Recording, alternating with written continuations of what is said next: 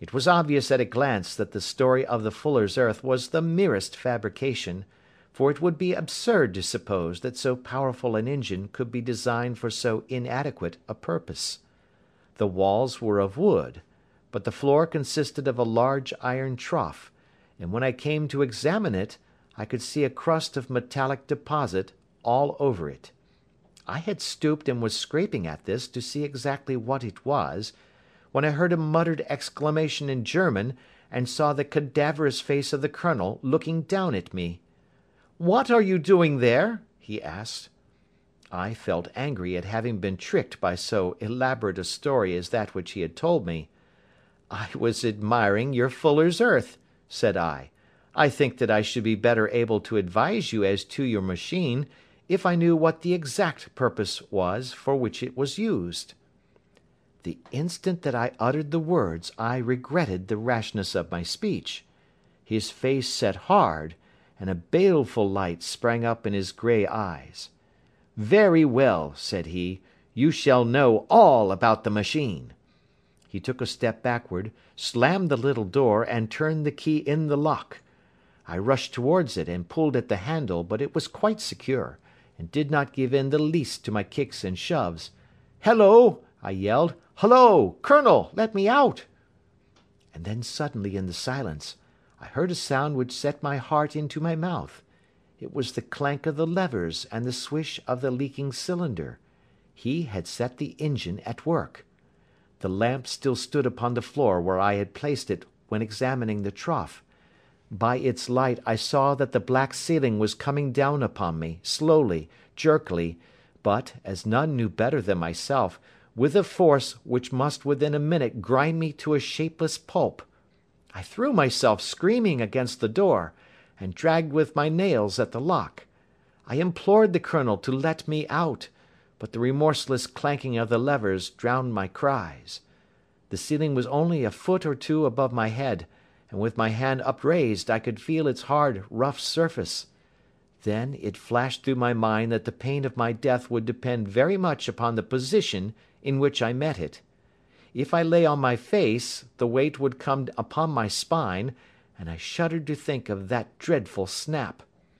Easier the other way, perhaps, and yet, had I the nerve to lie and look up at that deadly black shadow wavering down upon me? Already I was unable to stand erect, when my eye caught something which brought a gush of hope back to my heart.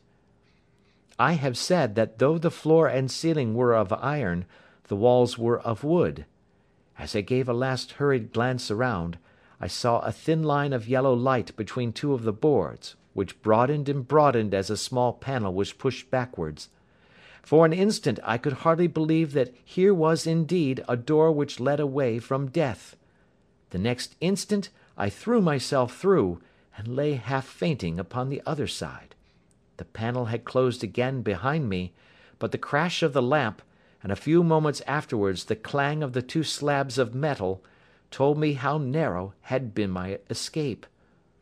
I was recalled to myself by a frantic plucking at my wrist, and I found myself lying upon the stone floor of a narrow corridor, while a woman bent over me and tugged at me with her left hand, while she held a candle in her right.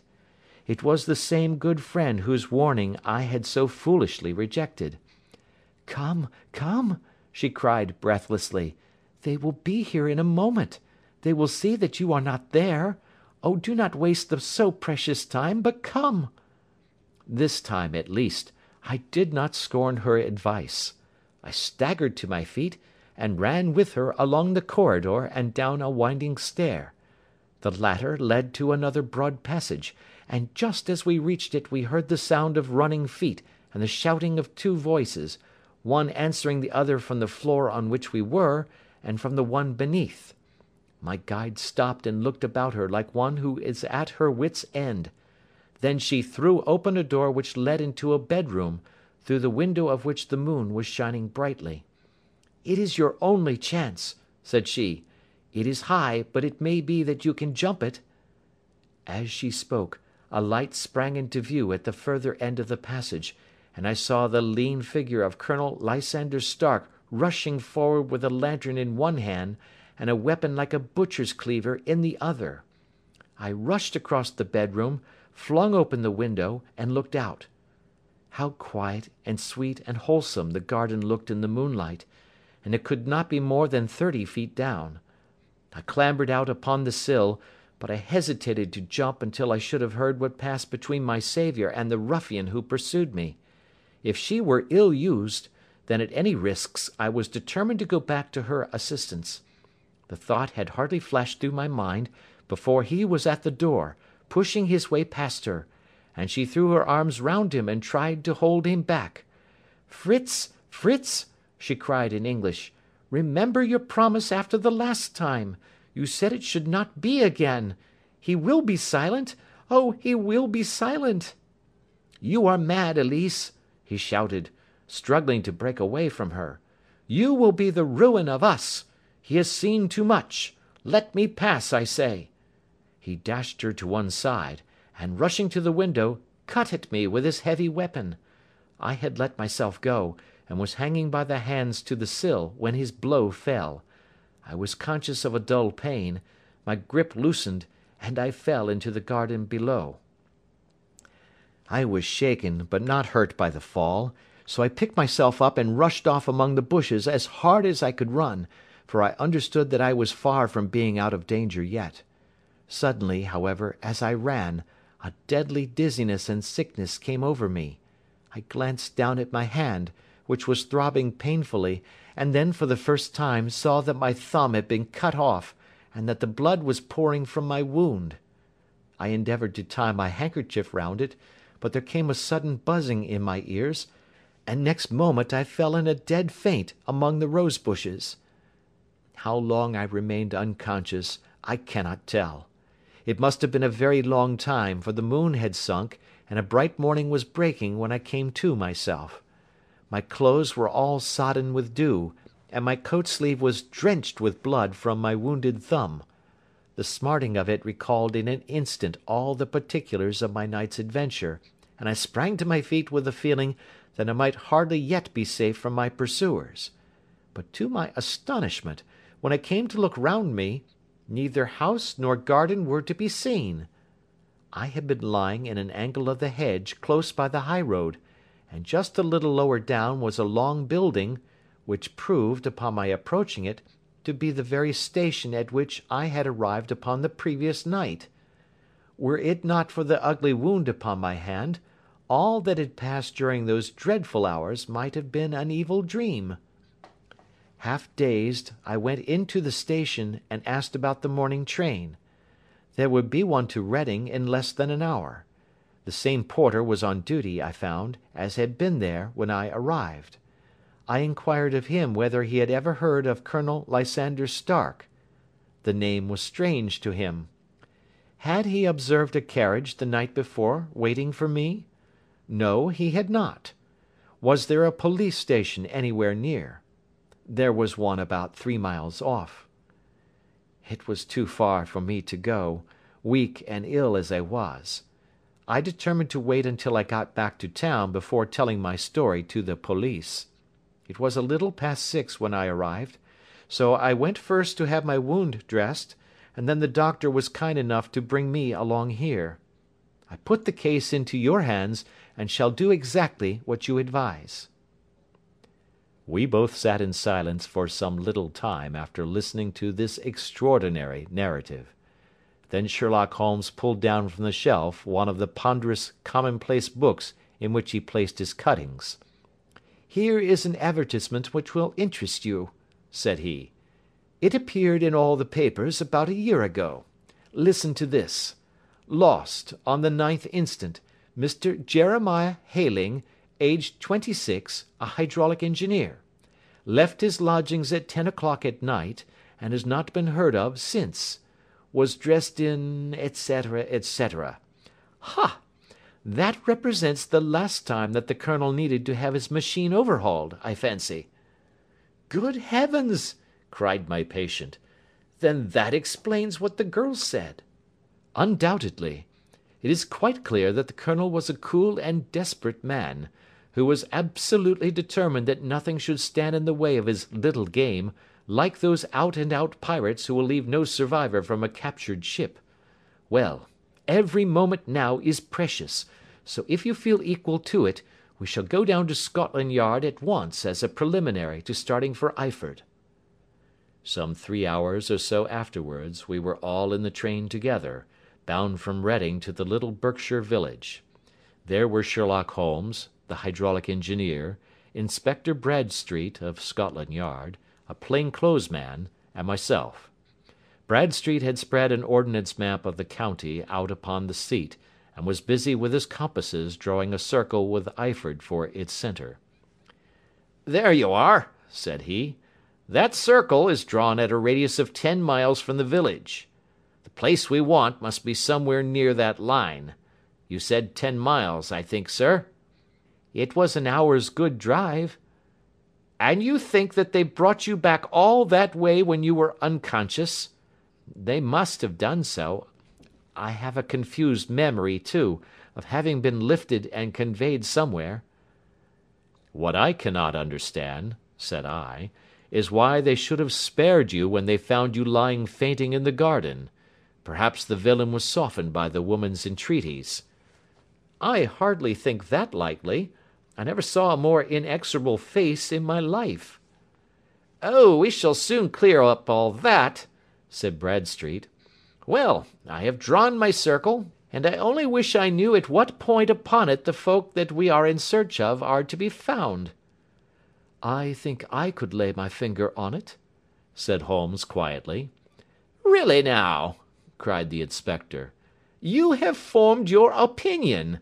Come now, we shall see who agrees with you. I say it is south, for the country is more deserted there." "And I say east said my patient. Ah, "I am for west," remarked the plain clothes man. "There are several quiet little villages up there." "And I am for north," said I, "because there are no hills there, and our friend says he did not notice the carriage go up any." "Come!" cried the inspector, laughing. "It's a very pretty diversity of opinion. We have boxed the compass among us. Who do you give your casting vote to?" "You are all wrong." "But we can't all be." "Oh, yes, you can. This is my point." He placed his finger in the centre of the circle. "This is where we shall find them." "But the twelve mile drive?" Gasped Hatherley. "Six out and six back. Nothing simpler. You say yourself that the horse was fresh and glossy when you got in. How could it be that it had gone twelve miles over heavy roads?" "Indeed, it is a likely ruse enough," observed Bradstreet thoughtfully. "Of course there can be no doubt as to the nature of this gang." "None at all," said Holmes. "They are coiners on a large scale, and have used the machine to form the amalgam which has taken the place of silver." "We have known for some time that a clever gang was at work said the inspector. "They have been turning out half crowns by the thousand. We even traced them as far as Reading, but could get no farther, for they had covered their traces in a way that showed that they were very old hands. But now, thanks to this lucky chance, I think that we have got them right enough." But the inspector was mistaken, for those criminals were not destined to fall into the hands of justice. As we rolled into Eyford station we saw a gigantic column of smoke which streamed up from behind a small clump of trees in the neighbourhood, and hung like an immense ostrich feather over the landscape. "A house on fire?" Asked Bradstreet, as the train steamed off again on its way. "Yes, sir," said the station master. "When did it break out?" "I hear that it was during the night, sir, but it has got worse, and the whole place is in a blaze. Whose house is it?" "Dr. Becher's." "Tell me," broke in the engineer, "is Dr. Becher a German, very thin, with a long sharp nose?" The station master laughed heartily. "No, sir. Dr. Becher is an Englishman, and there isn't a man in the parish who has a better lined waistcoat. But he has a gentleman staying with him, a patient, as I understand, who is a foreigner and he looks as if a little good Berkshire beef would do him no harm." The station master had not finished his speech before we were all hastening in the direction of the fire. The road topped a low hill, and there was a great widespread whitewashed building in front of us, spouting fire at every chink and window, while in the garden in front three fire engines were vainly striving to keep the flames under. "That's it!" cried Hatherley, in intense excitement. "There is the gravel drive, and there are the rose bushes where I lay. That second window is the one that I jumped from." "Well, at least," said Holmes, "you have had your revenge upon them. There can be no question that it was your oil lamp which, when it was crushed in the press, set fire to the wooden walls, though no doubt they were too excited in the chase after you to observe it at the time. Now keep your eyes open in this crowd for your friends of last night, though I very much fear that they are a good hundred miles off by now." And Holmes's fears came to be realised for from that day to this no word has ever been heard either of the beautiful woman, the sinister German, or the morose Englishman. Early that morning a peasant had met a cart, containing several people and some very bulky boxes driving rapidly in the direction of Reading, but there all traces of the fugitives disappeared, and even Holmes's ingenuity failed ever to discover the least clue as to their whereabouts. The firemen had been much perturbed at the strange arrangements which they had found within, and still more so by discovering a newly severed human thumb upon a window sill of the second floor. About sunset, however, their efforts were at last successful, and they subdued the flames, but not before the roof had fallen in, and the whole place been reduced to such absolute ruin that, save some twisted cylinders and iron piping, not a trace remained of the machinery which had cost our unfortunate acquaintance so dearly. Large masses of nickel and of tin were discovered stored in an outhouse, but no coins were to be found, which may have explained the presence of those bulky boxes which have been already referred to. How our hydraulic engineer had been conveyed from the garden to the spot where he recovered his senses might have remained for ever a mystery were it not for the soft mould, which told us a very plain tale. He had evidently been carried down by two persons, one of whom had remarkably small feet, and the other unusually large ones. On the whole, it was most probable that the silent Englishman, being less bold or less murderous than his companion, had assisted the woman to bear the unconscious man out of the way of danger. "Well," said our engineer ruefully, as we took our seats to return once more to London, "it has been a pretty business for me. I have lost my thumb and I have lost a fifty guinea fee, and what have I gained?" "Experience," said Holmes, laughing. "Indirectly it may be of value, you know. You have only to put it into words to gain the reputation of being excellent company for the remainder of your existence."